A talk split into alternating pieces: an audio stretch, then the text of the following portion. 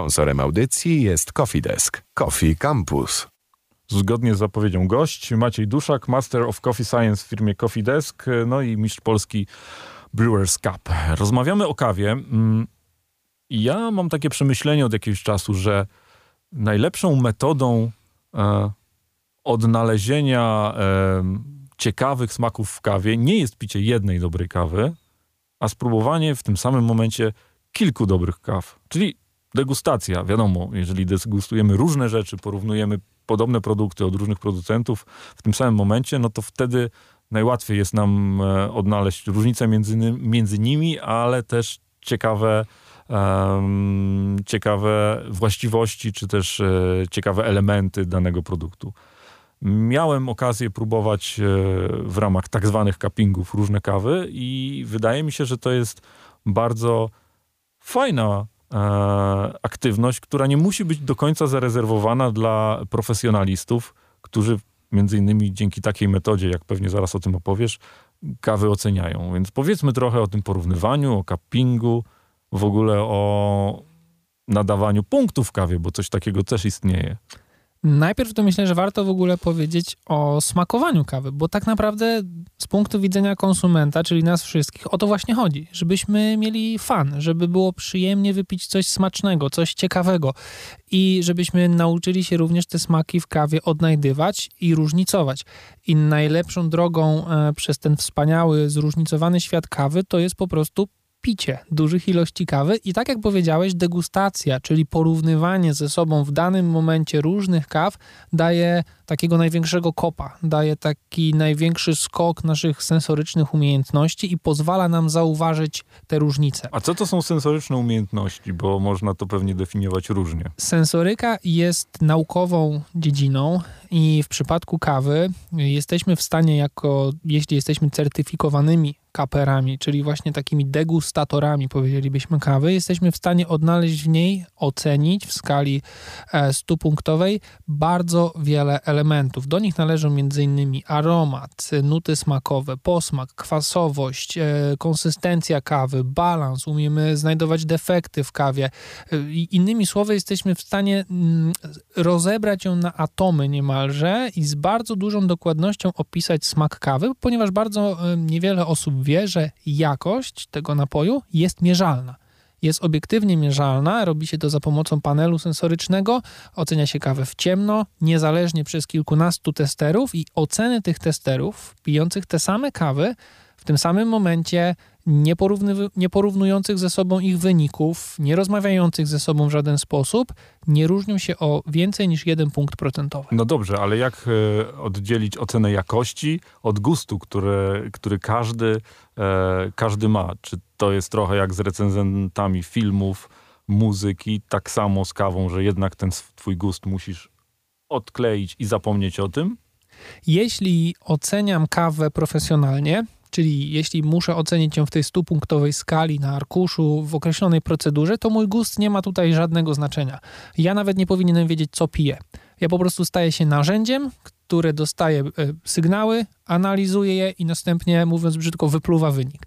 Natomiast jeśli pijemy kawę dla przyjemności, a o to przecież nam chodzi, to nasz gust ma największe znaczenie. Jeśli my nie lubimy po prostu kaw o wysokiej kwasowości, to choćby przed nami stała filiżanka najlepszej, najwyżej punktowanej Kenii, ona po prostu ma prawo nam nie smakować.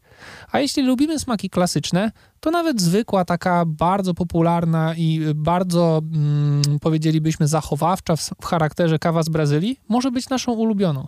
Najlepsza kawa to taka, jaka nam smakuje. A żeby przekonać się, co nam smakuje, warto je spróbować i warto je porównywać. Jedną z takich metod jest właśnie cupping, czyli degustacja, którą robi się od tej technicznej strony najprostszy z możliwych sposobów. To jest zalewajka.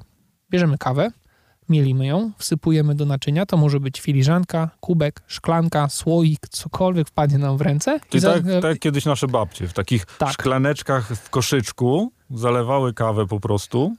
I to była, tak taka, to była taka metoda. Tak, tak. Ważne jest natomiast to, co my tam wsypujemy i co my zalewamy. E, I możemy sobie po prostu wziąć pięć identycznych szklanek, odmierzyć odpowiednią ilość kawy i wody. O tych ilościach mówiliśmy już w poprzednim odcinku. W przypadku cuppingu to jest 60 gramów kawy na litr.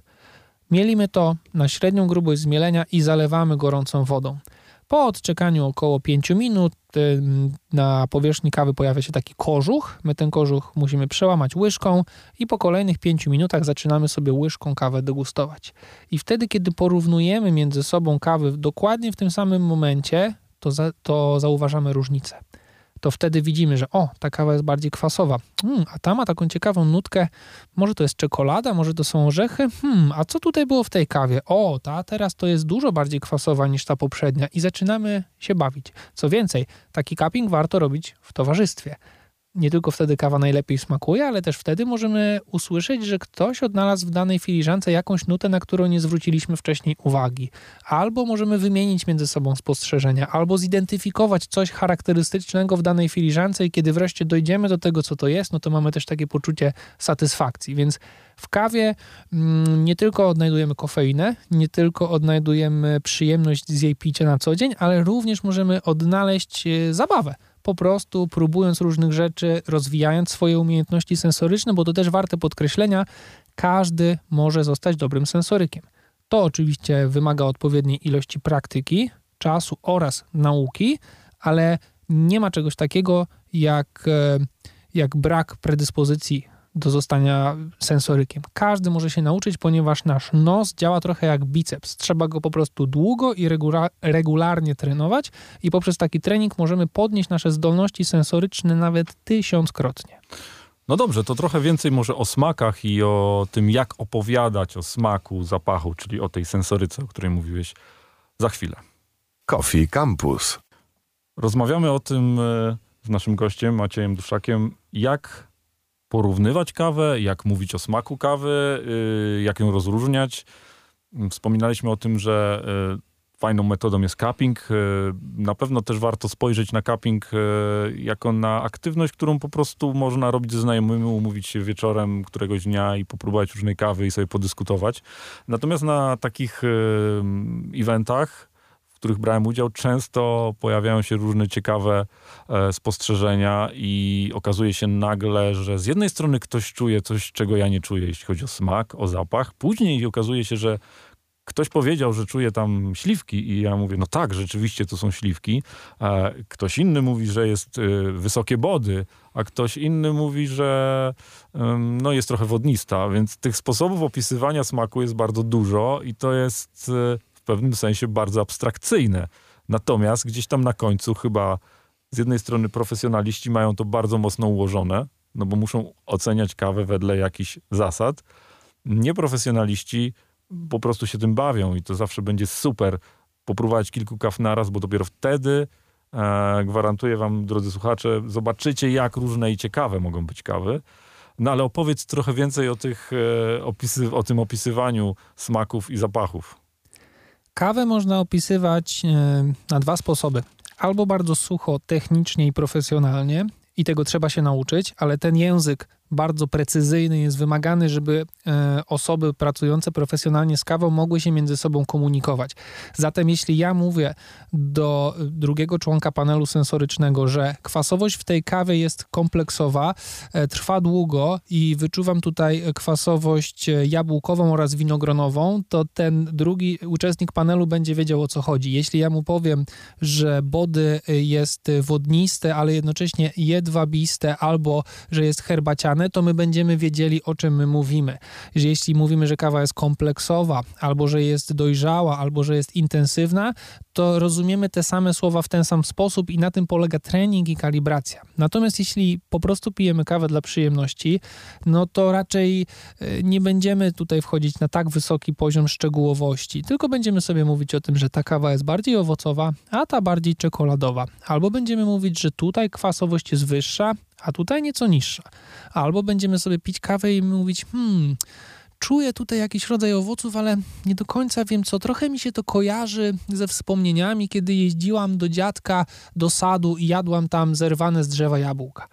I to brzmi abstrakcyjnie, to brzmi jak poezja, nie najwyższych lotów, ale e, w rzeczywistości to jest efekt działania mechanizmu naszych, w naszych mózgach, dlatego że najlepiej zapamiętujemy i najszybciej przywołujemy aromaty i e, doznania smakowe, które kojarzymy z wczesnych lat naszego życia. To czym przesiąknęliśmy za młodu, e, później bardzo szybko e, staje się dla nas w kawie intuicyjne. Więc e, jeśli ktoś się wychowywał w sadzie pełnym owoców i takie nuty odnajduje w kawie, to momentalnie będzie je identyfikował. Jeśli ktoś z kolei mieszka gdzieś w tropikalnych rejonach świata i zajada sobie owoce tropikalne, to nie będzie wiedział, czym jest truskawka albo zielone jabłko i trudniej będzie mu się na takie rzeczy uwrażliwić. Natomiast dla nas, jako konsumentów, najważniejsze jest, y, żeby rozmawiać o tym, czy dana kawa nam smakuje i czy jej charakter to może bardziej owoce, czy przyprawy, czy czekolada i orzechy, a potem przechodzimy coraz głębiej. Jeśli czekolada,